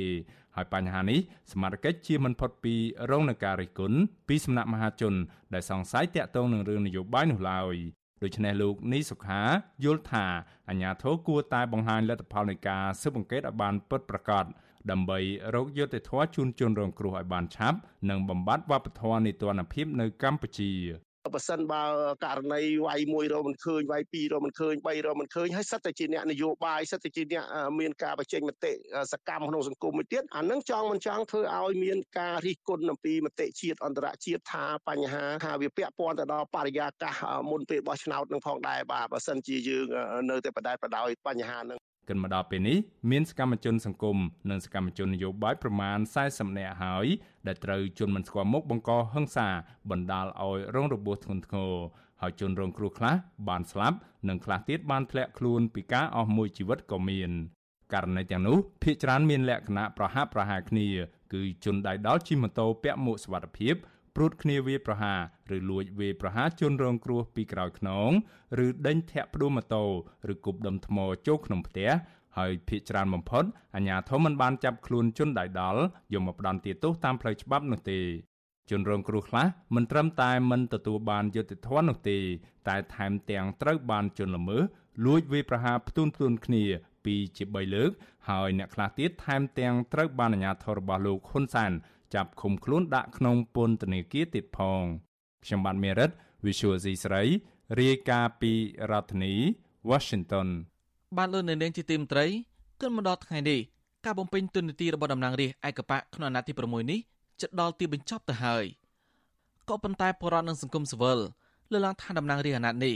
ធ្វើការផ្ដោតសំខាន់ទៅលើការពង្រឹងអំណាចរបស់ថ្នាក់ដឹកនាំរដ្ឋាភិបាលនិងគណៈបកមិនបានជួយដោះស្រាយបញ្ហារបស់ប្រជាពលរដ្ឋនោះទេ បើទោះបីជាយ៉ាងណាអ្នកនាំពាក្យរដ្ឋសភាឆ្លើយតបវិញថាតំណាងរាស្ត្របច្ចុប្បន្ននេះបានបំពេញការងារប្រកបដោយផ្លែផ្កាក្នុងការរបត់ច្បាប់ជាច្រើន ដែលផ្ដល់ផលប្រយោជន៍ដល់ប្រទេសជាតិបាទពីរដ្ឋធានីវ៉ាស៊ីនតោនលោកជីវតារាយការណ៍ព័ត៌មាននេះប្រជាពលរដ្ឋសកម្មជនបរិស្ថាន និងអ្នកឃ្លាំមើលការបោះឆ្នោតសុទ្ធតែវាតម្លៃទាបលើការបំពេញការងាររបស់សមាជិករដ្ឋសភា ពួកគេថាតំណាងរាស្ត្រគួរតែធ្វើការឲ្យសកម្មជាងពេលបច្ចុប្បន្ន និងគិតគូរពីប្រយោជន៍រាស្ត្រឲ្យបានខ្ពស់ជាងប្រយោជន៍បកបើមិនដូច្នោះទេមិនគួរមានងារថាជាតំណាងរាស្ត្រនោះទេពលរដ្ឋរងគ្រោះបញ្ហាដីធ្លីលោកស្រីប្រាក់សុភា ប្រាប់វិទ្យុអាស៊ីសេរីថាលោកស្រីសូមវាយតម្លៃទាបចំពោះការបំពេញការងាររបស់តំណាងរាស្ត្រនៅក្នុងអាណត្តិនេះលោកស្រីប្រាក់សុភាថាកន្លងមកបើទោះបីជាប្រជាពលរដ្ឋរងគ្រោះពីការរំលោភដីធ្លីពីអ្នកមានអំណាចនិងឈ្មួញធំធំជាច្រើន បានធ្វើការតវ៉ាសុំអន្តរាគមពីតំណាងរាស្ត្រក្តីក៏ពួកគាត់ទាំងនោះមិនដែលអើពើជួយដោះស្រាយឡើយលោកស្រីបន្ថែមថាតំណាងរាស្ត្រទាំងនោះធ្វើការយកតែប្រាក់ខែរាស្ត្រតែមិនដែលខ្វាយខ្វល់ពីសុខទុក្ខរបស់ប្រជាពលរដ្ឋឡើយព្រោះមិនថាសហគមន៍ខ្ញុំរងគ្រោះមិនថាគូផ្សេងផ្សេងដែលខ្ញុំមើលឃើញទៅគឺអត់មានតំណាងរាស្ត្រណាគាត់ទៅអន្តរាគមគឺគាត់យកតែប្រាក់ខែពីពលរដ្ឋហើយគឺគាត់អត់ផងហ្មង សកម្មជនចលនាមេដាធម្មជាតិលោកលីច័ន្ទរាវុធប្រាប់វិទ្យុអាស៊ីសេរីថាតំណាងរាស្ត្រនីតិកាលទី6នេះធ្វើការគ្មានប្រសិទ្ធភាពឡើយព្រោះធនធានធម្មជាតិជាច្រើនកន្លែងកំពុងត្រូវបំផ្លាញតែលោកមិនដែលឃើញមានតំណាងរាស្ត្រណាម្នាក់លើកយកបញ្ហាទាំងនោះទៅដេញដោលសួរមន្ត្រីរដ្ឋាភិបាលឡើយលោកលីច័ន្ទរាវុធបន្ថែមថាសូម្បីតែបុគ្គលិកកម្មករ Nagawal ដែលនៅជាប់របងរដ្ឋសភា ធ្វើកោតកម្មតវ៉ារោគយុតិធធពីថៅកែរាប់ខែមកហើយក្តីក៏លោកមិនដែលឃើញមានតំណាងរាស្ត្រទៅសួរសុខទុក្ខជួយស្វែងរកដំណោះស្រាយដល់បុគ្គលិកកម្មករដែលកំពុងត្រដររកការជួយទាំងនោះដែរសភាតំណាងរាស្ត្របច្ចុប្បន្នហ្នឹងគឺហាក់ដូចជាមិនអើពើទៅនឹងបញ្ហាសង្គមទេបញ្ហាសិនធានធម្មជាតិបញ្ហាអំពើពុករលួយបញ្ហាវិវាទការងារហាក់ដូចជានៅដាច់ឆ្ងាយពីប្រជាជនតាក់ទងនឹងបញ្ហានេះ អ្នកនាំពាក្យរដ្ឋសភាលោកលេងពេញឡុងអះអាងប្រាប់វិទ្យុអាស៊ីសេរីថារដ្ឋសភាអាណត្តិនេះបានបំពេញការងារជាប្រក្រតីដោយអាណត្តិមុនមុនដែរហើយលោកច្រានចោលការរិះគន់នានា ថាជាការលំអៀងអកតេទៅលើតំណាងរាស្ត្របកកាន់អំណាច លោកបន្ថែមថារដ្ឋសភាអាណត្តិនេះបានអនុម័តច្បាប់ជាច្រើន ដើម្បីធានាដល់ស្ថិរភាពនយោបាយនិងសន្តិភាពរបស់ប្រទេសជាតិ ច្បាប់ទាំងអស់ដែលសភាអនុម័តក្នុងនីតិកាលនេះគឺសិតតែបំរើដល់ផលប្រយោជន៍ជាទូទៅរបស់ប្រជាពលរដ្ឋជុំវិញរឿងនេះនាយកប្រតិបត្តិអង្គការឃ្លាំមើលការបោះឆ្នោតនៅកម្ពុជា ហៅកាត់ថា Netflix លោកសំគុណធីមីយល់ឃើញថាតំណាងរាស្ត្រនៅក្នុងអាណត្តិនេះបានចុះស្វែងយល់ពីបញ្ហានៅថ្នាក់មូលដ្ឋានតិចតួចបំផុត ហើយបើទោះបីជាប្រជាពលរដ្ឋរងគ្រោះពីស្លាកអភិវឌ្ឍ បានដាក់ញត្តិសុំអន្តរាគមន៍ពីរដ្ឋសភាក្តីក៏តំណាងរាស្ត្រមិនដែលបានជួយដោះស្រាយបញ្ហាដល់ប្រជាពលរដ្ឋទាំងនោះឡើយលោកសំគុណធីមីយល់ឃើញថាច្បាប់ជាច្រើនដែលបានអនុម័តដោយរដ្ឋសភាឯកបៈក្នុងអាណត្តិនេះគឺមានលក្ខណៈនយោបាយជាងការគិតគូរពីសុខទុក្ខរបស់ប្រជាពលរដ្ឋវិសោធនកម្មអីសពបែបយ៉ាងណាវាមានពាក់ព័ន្ធទៅរឿងនយោបាយច្រើនជាងរឿងសង្គមនៅអបកណ្ដាលគាត់បានទទួលផលប្រយោជន៍ច្រើនជាង ប្រជាពលរដ្ឋនិងអង្គការសង្គមស៊ីវិលតែងលើកឡើងថាតំណាងរាស្ត្រឯកបៈដែលកើតចេញពីការបោះឆ្នោតដោយមិនយុត្តិធម៌កាលពីឆ្នាំ2018ធ្វើការដោយមិនមានប្រសិទ្ធភាពឡើយព្រោះកន្លងមកកម្រឃើញមានតំណាងរាស្ត្រហៅមន្ត្រីរដ្ឋាភិបាលមកសួរដេញដោលតាក់ទងនឹងចំណុចខ្វះខាតឬកំហុសឆ្គងការងាររបស់រដ្ឋាភិបាលឡើយជាមួយគ្នានេះអង្គការសង្គមស៊ីវិលជាតិអន្តរជាតិនិងអ្នកសង្កេតការយល់ឃើញថា តំណាងរាស្ត្រនីតិកាលទី6នេះបានធ្វើវិសោធនកម្មរដ្ឋធម្មនុញ្ញនិងអនុម័តច្បាប់ផ្សេងផ្សេងដោយមិនមានការសិក្សាស្រាវជ្រាវឲ្យបានច្បាស់លាស់ឬទទួលយកមតិពីពលរដ្ឋនិងសង្គមស៊ីវិលឡើយហើយច្បាប់មួយចំនួនមានលក្ខណៈអំណោយផលដល់ការពង្រឹងអំណាចរបស់អ្នកដឹកនាំបច្ចុប្បន្នទៀតផងខ្ញុំជីវិតាអាស៊ីសេរីបាទលោកនៅនាងជាទីមត្រីក្រុមហ៊ុនរុស្ស៊ីវាបំបែកថ្មភ្នំមួយក្នុងខេត្តបាត់ដំបងកំពុងធ្វើខូចខាតផ្ទះសម្បែងរបស់ពលរដ្ឋប្រជាប្រដ្ឋត្អូញត្អែថាក្រុមហ៊ុនធ្វើអាជីវកម្មថ្មភ្នំកំពុងបំផ្ទុះភ្នំវាកំទេចថ្មធ្វើប្រេះស្រាំនឹងខូចខាតដល់ផ្ទះសម្បែងរបស់ពលរដ្ឋសង្គមសវលយល់ឃើញថាអាញាធរត្រូវដោះស្រាយផលប៉ះពាល់ហើយក្រុមហ៊ុនត្រូវមានការទទួលខុសត្រូវទាំងស្រុងចំពោះបរិវត្តដែលរងផលប៉ះពាល់បានពីរដ្ឋធានីវ៉ាស៊ីនតោនអ្នកស្រីសុជីវី មានសេចក្តីរាយការណ៍មួយផ្សេងទៀតអំពីរឿងនេះក្រុមពលរដ្ឋប្រាប់ថា នៅពេលក្រុមហ៊ុនបំផ្ទុះបំបែកថ្មភ្នំ គឺមានកម្លាំងរំញ័រខ្លាំងធ្វើឲ្យផ្ទះថ្មរបស់ពួកគាត់នៅក្នុងតំបន់នោះប្រេះស្រាំបែកកញ្ចក់និងមានសម្លេងរំខាន បង្កផលប៉ះពាល់ដល់ការរស់នៅរបស់ពួកគាត់ពលរដ្ឋម្នាក់រស់នៅភូមិតាក្រៀមឃុំតាក្រៀមលោកស្រីណប់ណេតប្រាប់វិទ្យុអាស៊ីសេរីនៅថ្ងៃទី14ខែសីហាថាផ្ទះលោកស្រីនៅក្បែរកន្លែងដែលក្រុមហ៊ុនធ្វើអាជីវកម្មថ្មភ្នំ ហើយពេលដែលវាយកំទេចថ្ម គឺមានកំទេចហុយដី និងញ័ររង្គើពេញផ្ទះលោកស្រីបន្តថាឡានដឹកថ្មបើកលឿនលឿននិងហុយកំទេចថ្មប៉ះពាល់ដល់ការរស់នៅប្រចាំថ្ងៃរបស់ពលរដ្ឋនៅក្នុងតំបន់នោះលោកស្រីបញ្ជាក់ថាពលរដ្ឋក្នុងភូមិតែងរាយការណ៍ទៅអាជ្ញាធរភូមិឃុំប៉ុន្តែហាក់គ្មានដំណោះស្រាយឡើយព្រោះយូរឆ្នាំហើយគ្មានចំណាត់ការលើក្រុមហ៊ុនអាជីវកម្មថ្មភ្នំទាំងនោះទេលោកស្រីបន្ថែមថាមានពលរដ្ឋរងផលប៉ះពាល់ប្រមាណ700គ្រួសារ ក្នុងចំណោមប្រជាពលរដ្ឋដែលរស់នៅទីនោះប្រហែល300គ្រួសារកន្លែងគេម៉ាស៊ីនកាន់ថ្មហ្នឹងពេលដែលគេទូសថ្មហ្នឹងវាដូចថាញ័រដីទៅវាវាជួយដីទៅវាតផ្ទះថ្មអញ្ចឹងវាមានប្រេះផ្ទះថ្មមែនហ្នឹងឯងចាឲ្យតែផ្ទះថ្មប្រេះទាំងអស់ហ្នឹងហើយម្យ៉ាងទៀតវាប៉ះពាល់អានឹងផងម្យ៉ាងទៀតវាប៉ះពាល់ដូចថាខែប្រាំងអីទៅវាហុយកតិចថ្មមកឲ្យដែរអញ្ចឹងណាពលរដ្ឋម្នាក់ទៀតរស់នៅក្នុងភូមិប៉ោយស្វាយ ឃុំតាក្រៀមលោកសសុខុមប្រាប់ថាផ្ទះរបស់លោក នៅមួយចំហៀងពីកន្លែងក្រុមហ៊ុនវាយកំទេចថ្មភ្នំ លោកបន្តថានៅពេលក្រុមហ៊ុនបំផ្ទុះថ្មភ្នំម្ដងម្ដងផ្ទះរបស់លោកញ័ររញ្ជួយបណ្ដាលឲ្យប្រេះស្រាំជញ្ជាំងគ្រប់កន្លែងនិងធ្លាក់កញ្ចក់ផ្ទះបែកខូចខាតលោកសសុខុមថាអ្នកភូមិតែងតែលើកបញ្ហានេះនៅក្នុងវេទិកាសាធារណៈប៉ុន្តែអាជ្ញាធរមិនដែលមានចំណាត់ការជូនប្រជាពលរដ្ឋឡើយលោកបន្ថែមថាកន្លងមកមានអភិបាលស្រុក ចុះធ្វើផ្លូវនៅកន្លែងនោះដែរប៉ុន្តែបានធ្វើចោះចោះគឺរើសតែកន្លែងណាដែលមានផ្ទះប្រជាពលរដ្ឋប៉ុណ្ណោះនៅពេលដែលមានភ្លៀងធ្លាក់មកម្ដងម្ដងដីបានជាប់កង់ឡានហើយធូលីដីហុយចូលផ្ទះរបស់អ្នកភូមិ រឿងបំទុកថ្មធ្វើឲ្យមានភាពរំញ័រដល់ផ្ទះអ្នកនៅពីភូមិហ្នឹងគឺមានពិតប៉ុន្តែការបំទុះហ្នឹងវាអត់មានទៀងពេលថាគេត្រូវបំទុះស្មើណាផ្ទុះទៅព្រោះវានៅមកខាងភ្នំម្នាក់ភូមិនៅខាងកើតភ្នំឯការដ្ឋានថ្មហ្នឹងគឺនៅខាងលិចអញ្ចឹងវាផ្ទុះមកធ្វើឲ្យរំញ័រមកទៀងជាទូទៅឲ្យតែចាក់បេតុងខាងក្រោមឬក៏ចាក់បេតុងទាំងអស់គឺប្រេះសឹងគ្រប់ផ្ទះផលប៉ះពាល់មួយទៀតមិនមែនប៉ះពាល់លើការបំពុះនឹងទេលើរថយន្តបើកមកហុយដីប៉ះពាល់អ្នកស្រុកតកតងបញ្ហានេះវិទ្យុអាស៊ីសេរីនៅមិនទាន់អាចតកតងអភិបាលខេត្តបាត់ដំបងលោកសុកលូដើម្បីអធិប្បាយជុំវិញបញ្ហានេះបានទេនៅថ្ងៃទី14ខែសីហាប៉ុន្តែមេឃុំតាក្រៀមលោកនៃពៅលើកឡើងថាករណីនេះពលរដ្ឋបានលើកឡើងនៅក្នុងវេទិកាសាធារណៈរួចហើយដែរហើយរដ្ឋបាលខេត្តក៏បានណាត់ជួបប្រជាពលរដ្ឋដើម្បីចូលរួមសាកសួរបំភ្លឺពីបញ្ហាប្រឈម ប៉ុន្តែគ្មានពលរដ្ឋចូលរួមឡើយលោកនៃពៅបន្តថាភូមិនិងឃុំ បានធ្វើរបាយការណ៍ជូនដល់រដ្ឋបាលខេត្តរួចហើយ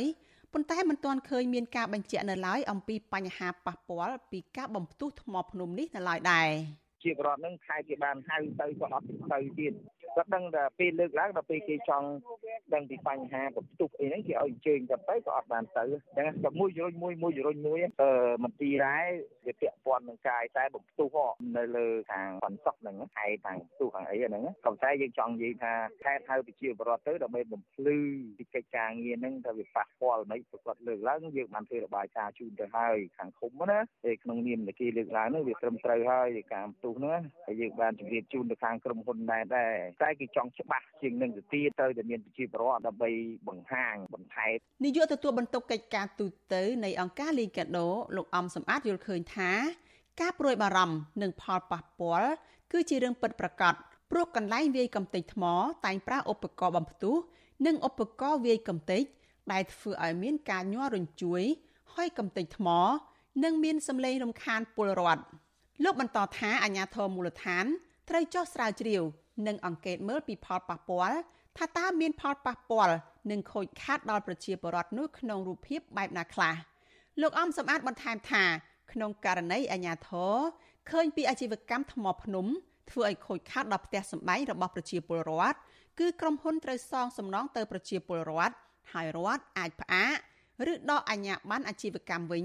បើមានផលប៉ះពាល់ដល់ប្រជាពលរដ្ឋ ជាសនកម្មកាត់ឡើងសម្រាប់ប្រជាពលរដ្ឋដែលចេញអំពីការប្រកបអាជីវកម្មរបស់ក្រុមហ៊ុន ការវិថ្ម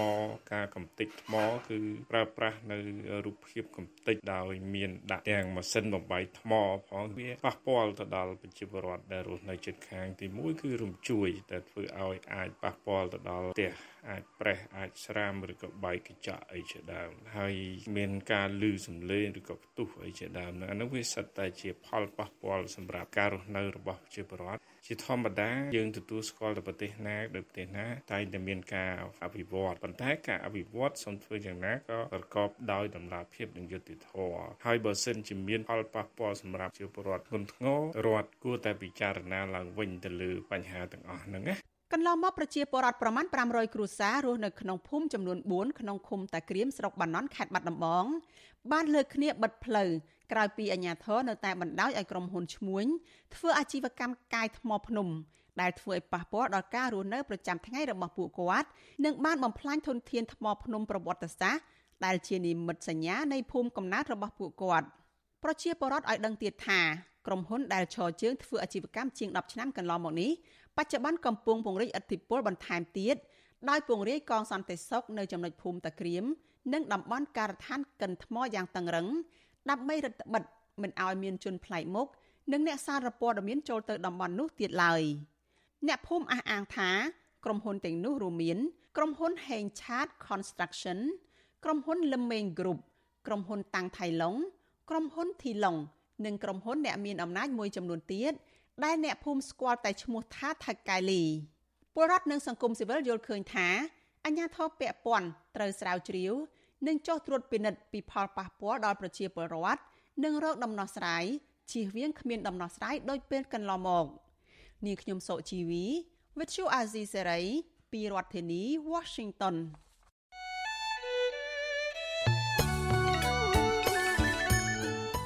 បានលោកនាងជាទីមត្រីនៅក្នុងឱកាសនេះដែរខ្ញុំបានសូមថ្លែងអំណរគុណដល់លោកនាងកញ្ញាទាំងអស់ដែលតែងតែមានភក្ដីភាពចំពោះការផ្សាយរបស់យើងហើយចាត់ទុកការស្ដាប់វិទ្យុអាស៊ីសេរីជាផ្នែកមួយនៃសកម្មភាពប្រចាំថ្ងៃរបស់លោកនាងការគ្រប់គ្រងរបស់លោកនាងនេះហើយដែលធ្វើឲ្យយើងខ្ញុំមានទឹកចិត្តកាន់តែខ្លាំងបន្ថែមទៀតនៅក្នុងការស្វែងរកនិងផ្តល់ព័ត៌មានជូនលោកនាងមានអ្នកស្ដាប់អ្នកទស្សនាកាន់តែច្រើនកាន់តែធ្វើឲ្យយើងខ្ញុំមានភាពស្វាហាប់មោះមុតជាបន្តទៅទៀត យើងខ្ញុំសូមអរគុណទុកជាមុនហើយសូមអញ្ជើញលោកនាងចូលរួមជំរុញសកម្មភាពផ្តល់ព័ត៌មានរបស់យើងនេះកាន់តែជោគជ័យបន្ថែមទៀតលោកនាងអាចជួយយើងខ្ញុំបានដោយគ្រាន់តែចុចចែករំលែកឬ Share ការផ្សាយរបស់យើងនៅលើបណ្ដាញសង្គម Facebook និង YouTube ទៅកាន់មិត្តភ័ក្តិដើម្បីឲ្យការផ្សាយរបស់យើងបានទៅដល់មនុស្សកាន់តែច្រើន បាទសូមអរគុណ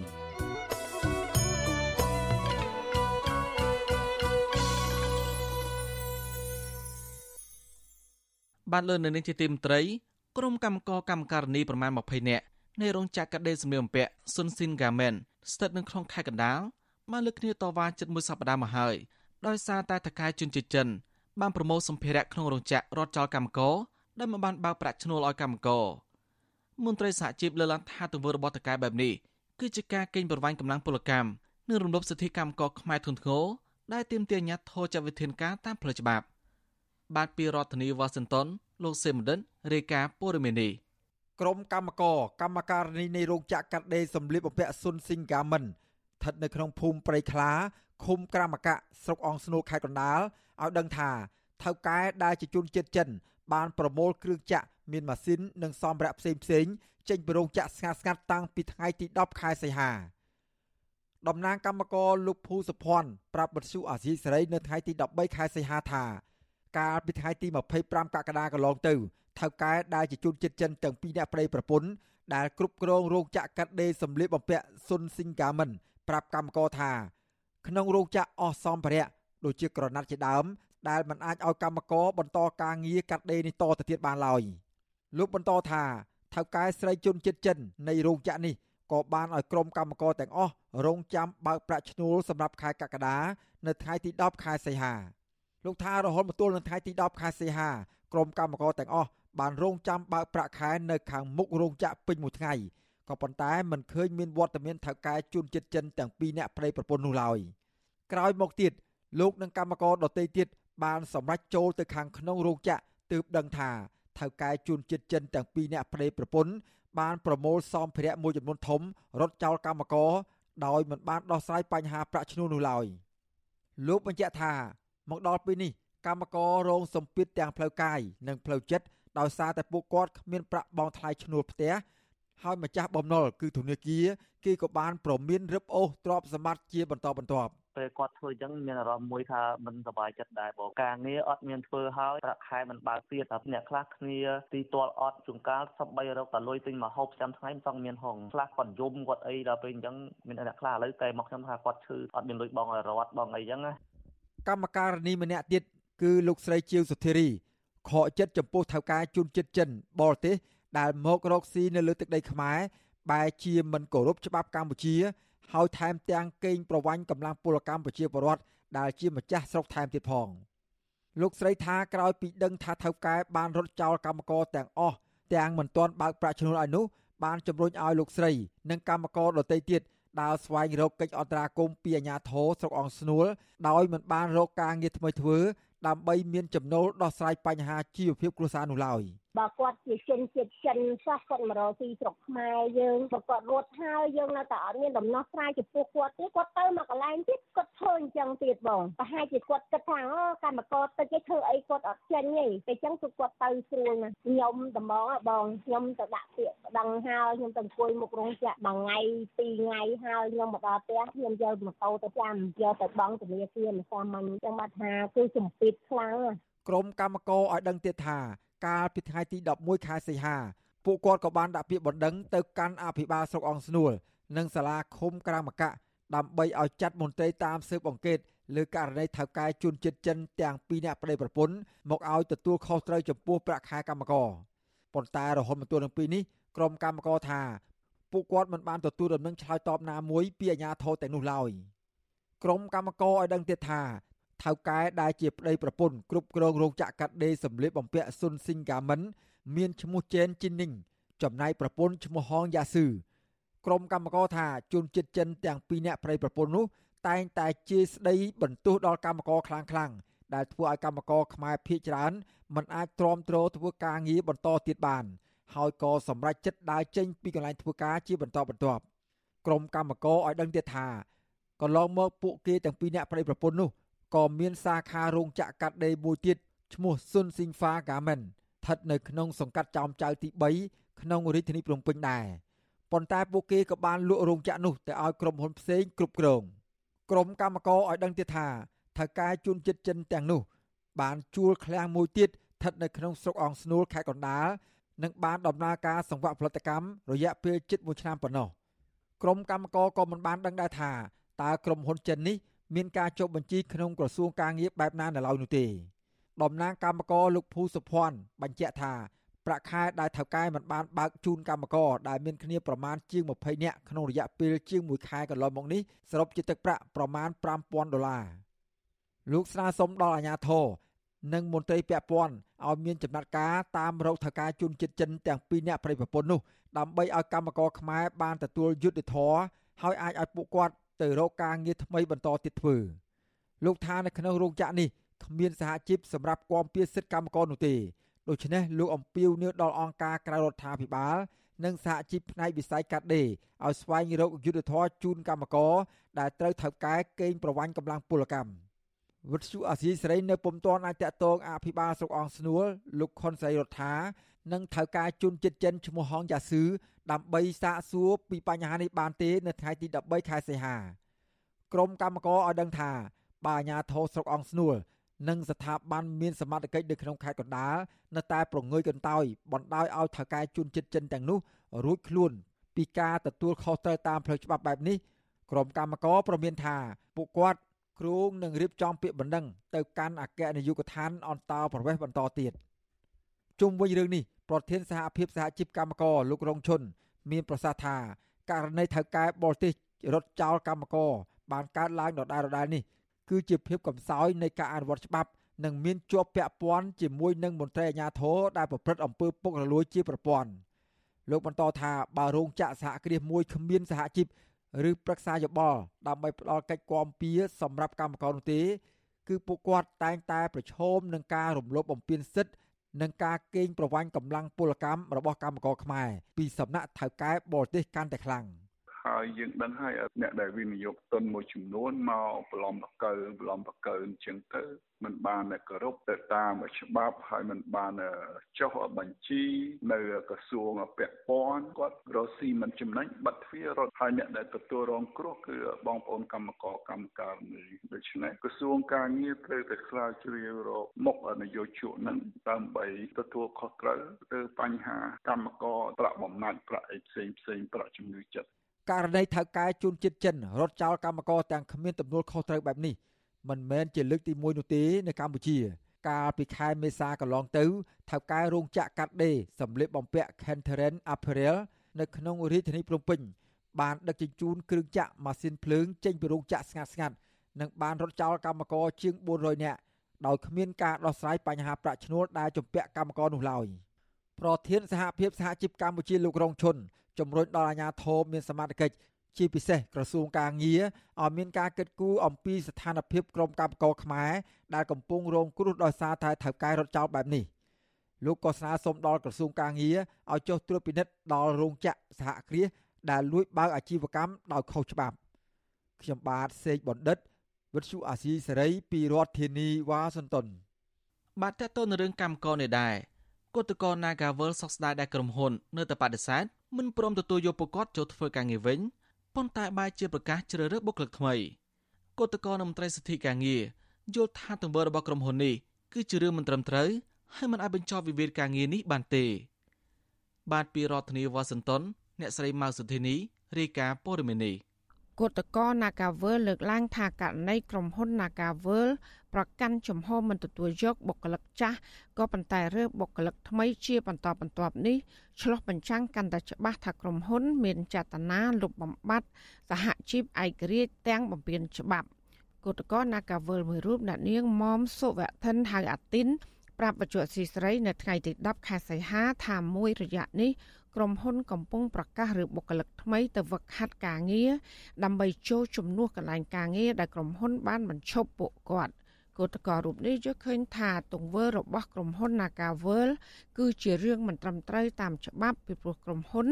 មិនអាចជ្រើសរើសបុគ្គលិកថ្មីក្នុងពេលដែលកំពុងមានវិវាទការងារនោះឡើយ។ អានេះពួកខ្ញុំមើលឃើញយ៉ាងច្បាស់ថាក្រុមហ៊ុនហ្នឹងគឺគាត់រើសអើងព្រោះបើសិនជាគាត់មិនរើសអើងគាត់ប្រកាសជាយកបុគ្គលិកដែលគាត់ប្រឈប់នឹងវិញដោយសារតែវគ្គមុនគឺគាត់យកលេសកូវីដហ្នឹងថាក្រុមហ៊ុនខ្សែធនគាត់ប្រឈប់ច្រើនណាឥឡូវវគ្គហ្នឹងគឺជាវគ្គដែលគាត់ត្រូវការបុគ្គលិកវិញហើយគឺត្រូវយកអាបុគ្គលិកដែលគាត់ប្រឈប់ហ្នឹងយកមកមកវិញបើតាមច្បាប់ច្បាប់ការងារគឺត្រូវរយៈពេល2ឆ្នាំត្រូវហៅ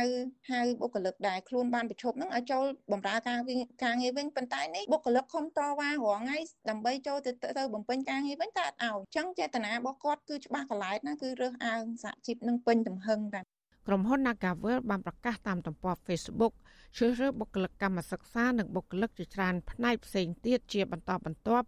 ដោយបញ្ជាក់ថាដាក់ពាក្យភ្លាមសភាភ្លាមក្រុមហ៊ុនបន្ថែមថាបុគ្គលិកកម្មសិក្សានេះអាចទទួលបានប្រាក់ខែជាង250ដុល្លារដោយទទួលបានការបណ្ដុះបណ្ដាលជំនាញ កម្រិតមូលដ្ឋានមួយចំនួនដូចជាភាសាអង់គ្លេសជំនាញចែកបៀននិងសេវាអតិថិជនជាដើមទោះយ៉ាងណាក្រុមហ៊ុនបនលបែងមួយនេះនៅតែបដិសេធទទួលយកបុគ្គលិកចាស់ដែលក្រុមហ៊ុនបានបញ្ឈប់កន្លងមកក្រោមហេតុផលថាជួបវិបត្តិហិរញ្ញវត្ថុដោយសារតែបញ្ហាជំងឺ Covid-19 ប៉ុន្តែគឧតកោនិងសហជីពយកឃើញថាក្រុមហ៊ុនមានចេតនាលុបបំបាត់សហជីពច្រើនជាង ពីព្រោះក្រុមបុគ្គលិកចាស់ចាស់ដែលក្រុមហ៊ុនបានបញ្ឈប់នោះភាគច្រើនគឺជាសមាជិកសហជីពត្រួតត្រងសិទ្ធិការងារបុគ្គលិកកម្មករខ្មែរនៃក្រុមហ៊ុន Nagavel ដែលតែងតែការពារសិទ្ធិទាំងទាមទារអត្ថប្រយោជន៍ផ្សេងៗរួមទាំងប្រាក់ឈ្នួលសមរម្យសម្រាប់បុគ្គលិក អ្នកនាងមុំសវៈធិនរៀបរាប់ថាគឺជារឿងហួសចិត្តដែលក្រុមហ៊ុនមិនព្រមទទួលយកពួកគាត់ឲ្យចូលធ្វើការវិញប៉ុន្តែទាំងអាជ្ញាធរនិងក្រុមហ៊ុនតែងតែបង្ខំឲ្យពួកគាត់ទូទាត់សំណងឲ្យដើរចេញទៅរកការងារថ្មី។ ចង់ជម្រាបទៅក្រសួងពាក់ព័ន្ធក៏ដូចជាខាងភាគីក្រុមហ៊ុនវិញថាពួកខ្ញុំមកដល់ពេលនេះទោះជាត្រូវលំបាកជាងនឹងមិនក៏ពួកខ្ញុំនៅតែមិនបោះបង់នៅតែតស៊ូដើម្បីយុត្តិធម៌ខ្លួនឯងផងហើយក៏ដូចជាយុត្តិធម៌សម្រាប់សង្គមផងព្រោះចេតនារបស់ពួកគាត់នេះគឺកំតិចចោលនេះគឺកុំឲ្យមានអ្នកតវ៉ាដើម្បីឲ្យបានសិទ្ធិសេរីភាពការងារសិទ្ធិសេរីភាពដែលរស់នៅសមរម្យអញ្ចឹង តកតងករណីនេះវិទ្យុអសីស្រីមិនអាចសុំការឆ្លើយតបពីប្រធានផ្នែកគ្រប់គ្រងធនធានមនុស្សនៃក្រុមហ៊ុន Nagavel លោកហាយវូលៀបបានទេដោយសារទូរស័ព្ទហៅចូលតែពុំមានអ្នកទទួលចំណែកឯអគ្គលេខាធិការរងនៃអគ្គលេខាធិការដ្ឋានគណៈកម្មការសម្រាប់ដោះស្រាយបញ្ហាបដកម្មកោតកម្មនៅតាមមុខគ្រប់សញ្ញាវិញ លោកទេសរុកខផលក៏វិទ្យុស៊ីស្រីមិនអាចតតងបានដែរនៅថ្ងៃទី10ខែសីហា អ្នកគ្រប់គ្រងកម្មវិធីការងារនៃមជ្ឈមណ្ឌលសម្ព័ន្ធភាពការងារនិងសិទ្ធិមនុស្សលោកខុនថារ៉ូមានប្រសាសន៍ថាអ្វីដែលក្រុមហ៊ុនធ្វើនេះមិនមែនជាដំណោះស្រាយវិវាទការងារនោះឡើយលោកយល់ថាក្រុមហ៊ុនគួរតែមានការយោគយល់និងធ្វើសម្បទានដើម្បីបើកផ្លូវឲ្យមានការដោះស្រាយបញ្ចប់វិវាទការងារនេះឲ្យបានសមរម្យដើម្បីកុំឲ្យប៉ះពាល់ដល់ក្រុមហ៊ុនរដ្ឋាភិបាលនិងភាគីកម្មករ ខ្ញុំគិតថាវាប៉ះពាល់ទៅដល់ភាគីទាំងសងខាងហ្នឹងទាំងក្រុមហ៊ុនទាំងរាជរដ្ឋាភិបាលទាំងកម្មករយោជិតអញ្ចឹងវិធីសាស្ត្រដែលល្អខ្ញុំគិតថាវាមានតែដោះស្រាយផ្អែកទៅលើគោលការណ៍សម្បទានឈ្នះឈ្នះទាំងសងខាងហើយអាហ្នឹងវាហិតតែការពារនៅមុខមាត់កិត្តិយសគេឈ្មោះទាំងក្រុមហ៊ុនទាំងរាជរដ្ឋាភិបាលហើយកម្មករយោជិតក៏គាត់អាចសុខចិត្តគ្នាអញ្ចឹងគោលការណ៍មួយដែលយើងអាចបន្តនៅកិច្ចសហប្រតិបត្តិការជាមួយគ្នាទៅតាមរយៈការយោគយល់ឬក៏កិច្ចព្រមព្រៀងណាមួយដើម្បីបន្តនៅការកសាងនៅតំណែងតំណងវិជ្ជាជីវៈឲ្យបានល្អទៅបញ្ឈប់នៅការគុំគួនធ្វើទុកបុកម្នេញទៅខ្ញុំគិតថាគោលការណ៍នេះវាអាចនឹងឈ្នះឈ្នះទាំងអស់គ្នារដ្ឋាភិបាលលោកហ៊ុនសែននិងក្រុមហ៊ុន Nagawer រងការរិះគន់ថាកំពុងតែសហការគ្នារំលោភទាំងកំរោលទៅលើសិទ្ធិរបស់បុគ្គលិក Nagawer ដែលភាគច្រើនជាស្ត្រីជាង8ខែមកនេះការតស៊ូធ្វើកុតកម្មអហិង្សារបស់គុតកោ Nagawal មិនត្រឹមតែគ្មានដំណោះស្រាយទេ ថែមទាំងទទួលរងការបង្ក្រាបដោយហិង្សាជាបន្តបន្ទាប់នៅជាប់របងរដ្ឋសភានិងក្បែរភូមិគ្រឹះ របស់លោកនាយករដ្ឋមន្ត្រីហ៊ុនសែនរហូតបណ្ដាលឲ្យគុតកោមួយចំនួនរងរបួសធ្ងន់និងមានស្ត្រីគុតកោម្នាក់រលូតកូនក្នុងផ្ទៃទោះយ៉ាងណាក្រុមគុតកោនៅតែមិនបោះបង់ការតស៊ូរបស់ពួកគាត់ឡើយបើសិនបើគ្មានដំណោះស្រាយសមរម្យចានាងខ្ញុំម៉ៃសុធានីវັດឈូអាស៊ីស្រីប្រធានាធិបតី Washington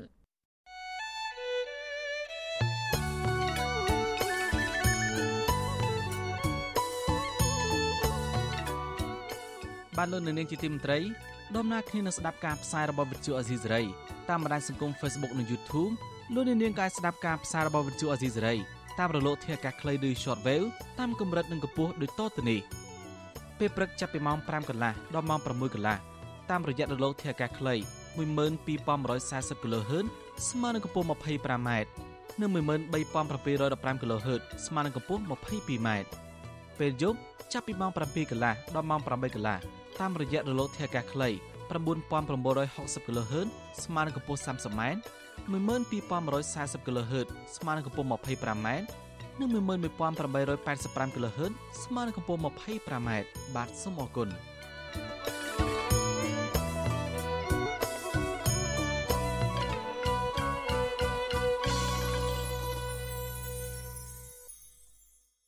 បាទលោកនៅនាងជាទីមត្រីកសិករដាំកស៊ូនៅខេត្តត្បូងឃ្មុំ ត្អូញត្អែថាជួបទុលំបាកក្នុងជីវភាពប្រចាំថ្ងៃដោយសារគ្មានប្រាក់ដោះស្រាយជីវភាពគ្រួសារនោះទេដោយសារតម្លៃកស៊ូចុះថោកសង្គមស៊ីវិលយល់ថាស្ថានភាពបែបនេះរដ្ឋាភិបាលគោរពទីផ្សារលក់កសិផលក្នុងនយោបាយសំរុំជូនដល់ប្រជាពលរដ្ឋដើម្បីស្របនឹងគោលនយោបាយជាតិក្នុងការជួយកសិករបាទពីរដ្ឋធានីវ៉ាស៊ីនតោនលោកសេមដិនរាយការណ៍ព័ត៌មាននេះកសិករដាំកស៊ូនៅខេត្តត្បូងឃ្មុំលើកឡើងថាជ័រកៅស៊ូគ្មានទីផ្សារជាក់លាក់ អាស្រ័យទៅលើតែឈ្មួញអ្នកដាក់តម្លៃ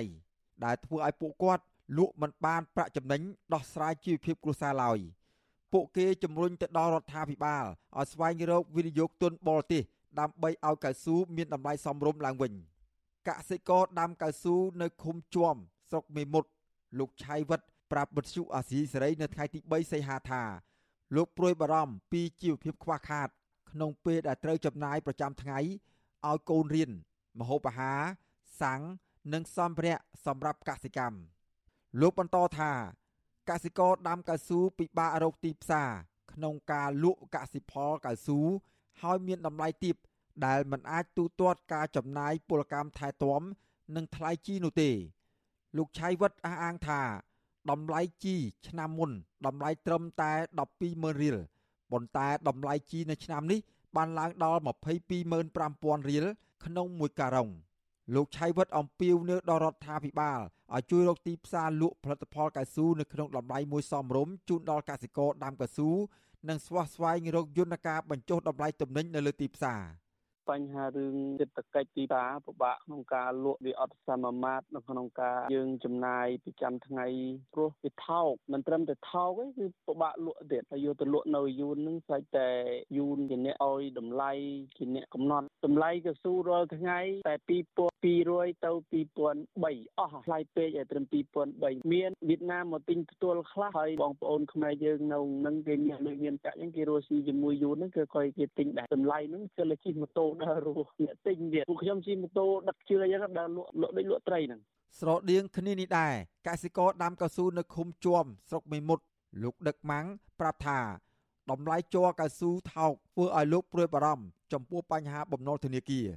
លោកបន្តថាជ័រកៅស៊ូគ្មានទីផ្សារលក់ក្នុងតម្លៃសមរម្យដែលធ្វើឲ្យកសិករដាំកៅស៊ូជួបបញ្ហាវិបត្តិសេដ្ឋកិច្ចប្រចាំថ្ងៃលោកបន្តថាតម្លៃជី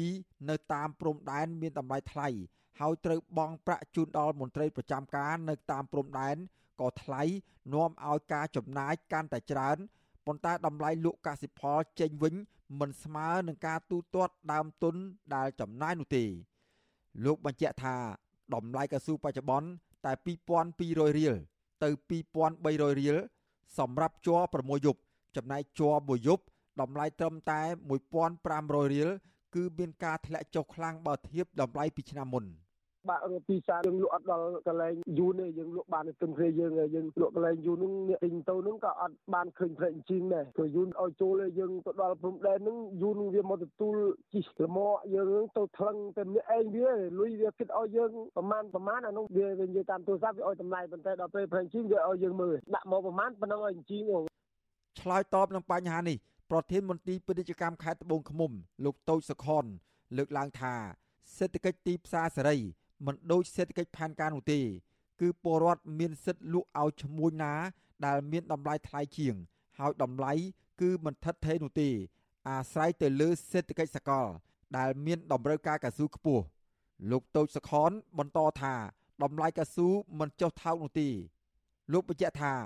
ការនាំចេញមិនមែនមានតែទៅវៀតណាមនោះទេ គឺវៀតណាមគ្រាន់តែជាប្រទេសឆ្លងកាត់ប៉ុណ្ណោះ។ ពីតាមបន្ទូដូចជាមិនធ្លាក់ទេបងមានធ្លាក់ដែរគឺមានបន្ទូតឡហ្នឹង6000វាលើកប៉ះវាចន្លោះឡើង6200អីចឹង5008វាតម្លៃហ្នឹងវាឡើងចុះតិចតួចវាចុះវាឡើងចឹងហើយបើអាចារ្យហ្នឹងវា3000តម្លៃជីមានដោយសារយើងមានបរិបទដូចជាគ្រាមនៅអ៊ុយក្រែនចឹងទៅវាធ្វើឲ្យតម្លៃការដឹកជញ្ជូនផលិតវត្ថុធាតុដើមមួយចំនួនយើងមានការប៉ះពាល់ការងារលើសេដ្ឋកិច្ចនេះដែរអញ្ចឹងបានតម្លៃពេលទៅឡើងថ្លៃប៉ះពាល់ទៅលើចង្វាក់ផលិតកម្មផ្សេងផ្សេងដែលពាក់ព័ន្ធទៅនឹងពេលអ៊ីនធឺណិតអញ្ចឹងវាឡើងតាមនឹងដែរការដឹកជញ្ជូនរបស់គាត់ក៏វាមានតែការប្រែប្រួលតម្លៃនេះជារឿងសកលមិនជារឿងពេលខ្មែរយើងប្រមួយទូទៅអញ្ចឹងជាលក្ខណៈសកលជុំវិញរឿងនេះមន្ត្រីឃ្លាំមើលការរំលោភសិទ្ធិមនុស្សនិងដេកធ្លីនៃសមាគមអាត6ប្រចាំខេត្តត្បូងឃ្មុំ និងខេត្តកំពង់ចាមលោកលេងសេងហានពន្យល់ថា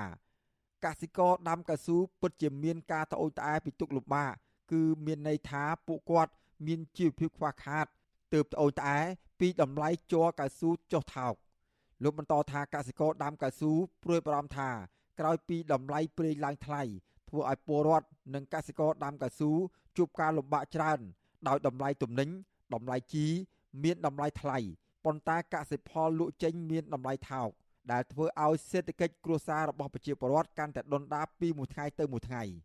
លោកលេងសេងហាន ថាអាញាធររដ្ឋត្រូវធានាដល់ពលរដ្ឋនៅក្នុងការរកទីផ្សារជាក់លាក់សមស្របទៅតាមរដ្ឋធម្មនុញ្ញមិនមែនឲ្យតែពលរដ្ឋស្វែងរកទីផ្សារដោយខ្លួនឯងនោះទេ ក្នុងគោលការណ៍ច្បាប់គេបានកំណត់អំពីគោលការណ៍ជាក់លាក់ជាពិសេសនៅក្នុងរដ្ឋធម្មនុញ្ញទោះបីជាពលរដ្ឋមានសិទ្ធិលក់ដូរផលិតផលរបស់គាត់ដោយសេរីក៏ដោយប៉ុន្តែនៅក្នុងមាត្រា61នៅក្នុងរដ្ឋធម្មនុញ្ញហ្នឹងគេនិយាយអំពីកាតព្វកិច្ចរបស់រដ្ឋគេថារដ្ឋជំរុញការអភិវឌ្ឍសេដ្ឋកិច្ចគ្រប់វិស័យជាពិសេសកសិកម្មសិប្បកម្មហ្នឹងហើយមួយទៀតនៅក្នុងមាត្រា62ហ្នឹងក៏បាននិយាយដែរថារដ្ឋយកចិត្តទុកដាក់ជួយដោះស្រាយមធ្យោបាយផលិតការពារថ្លៃផលិតផលជូនកសិករសិប្បករនឹងជួយរកទីផ្សារលក់ផលិតផលអញ្ចឹងមានន័យថាច្បាប់គេបានចងនៅកាតព្វកិច្ចរបស់គាត់ទៅធានាឲ្យបាននៅនិរន្តរភាពតម្លៃនៅលើទីផ្សារទោះបីជាវាមានហេតុផលនេះហេតុផលនោះក៏ដោយប៉ុន្តែបើឲ្យពលរដ្ឋរកទីផ្សារខ្លួនឯងចុះមានគោលការណ៍ច្បាប់ចែងមកទៅអីមាត្រា60នៃរដ្ឋធម្មនុញ្ញចែងថាពលរដ្ឋមានសិទ្ធិលក់ដូរផលិតផលរបស់ខ្លួនដោយសេរី ការតម្រូវឲ្យលក់ផលិតផលជូនរដ្ឋ ឬការយកភោគផលឬទ្រព្យសម្បត្តិឯកជនទៅប្រើប្រាស់ទោះបីជាមួយរយៈពេលក៏ដោយក៏ត្រូវហាមឃាត់វាលែងតែក្នុងករណីពិសេសដែលមានច្បាប់អនុញ្ញាតមាត្រា62នៃរដ្ឋធម្មនុញ្ញចែងទៀតថារដ្ឋយកចិត្តទុកដាក់ជួយដោះស្រាយមធ្យោបាយផលិត ការពារថ្លៃផលិតផលជូនដល់កសិករសិប្បករនិងជួយរកទីផ្សារលក់ផលិតផល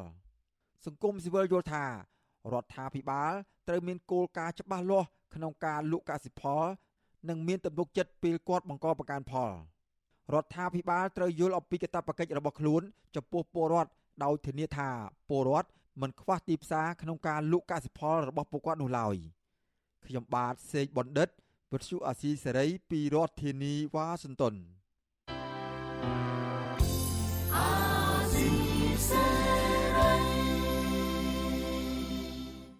បានលោកនាងកញ្ញាអ្នកស្ដាប់វិទ្យុអេស៊ីសរ៉ៃជាទីមេត្រីការផ្សាយរយៈពេល1ម៉ោងនៃវិទ្យុអេស៊ីសរ៉ៃនៅពេលនេះចប់តែប៉ុណ្ណេះយើងខ្ញុំសូមជូនពរដល់លោកនាងព្រមទាំងក្រុមគ្រួសារទាំងអស់ឲ្យជួបប្រកបតែនឹងសេចក្តីសុខចម្រើនរុងរឿងកុំបីឃ្លៀងឃ្លាតឡើយខ្ញុំបាទសនចាររថាព្រមទាំងក្រុមការងារទាំងអស់នៃវិទ្យុអេស៊ីសរ៉ៃសូមអគុណនិងសូមជម្រាបលា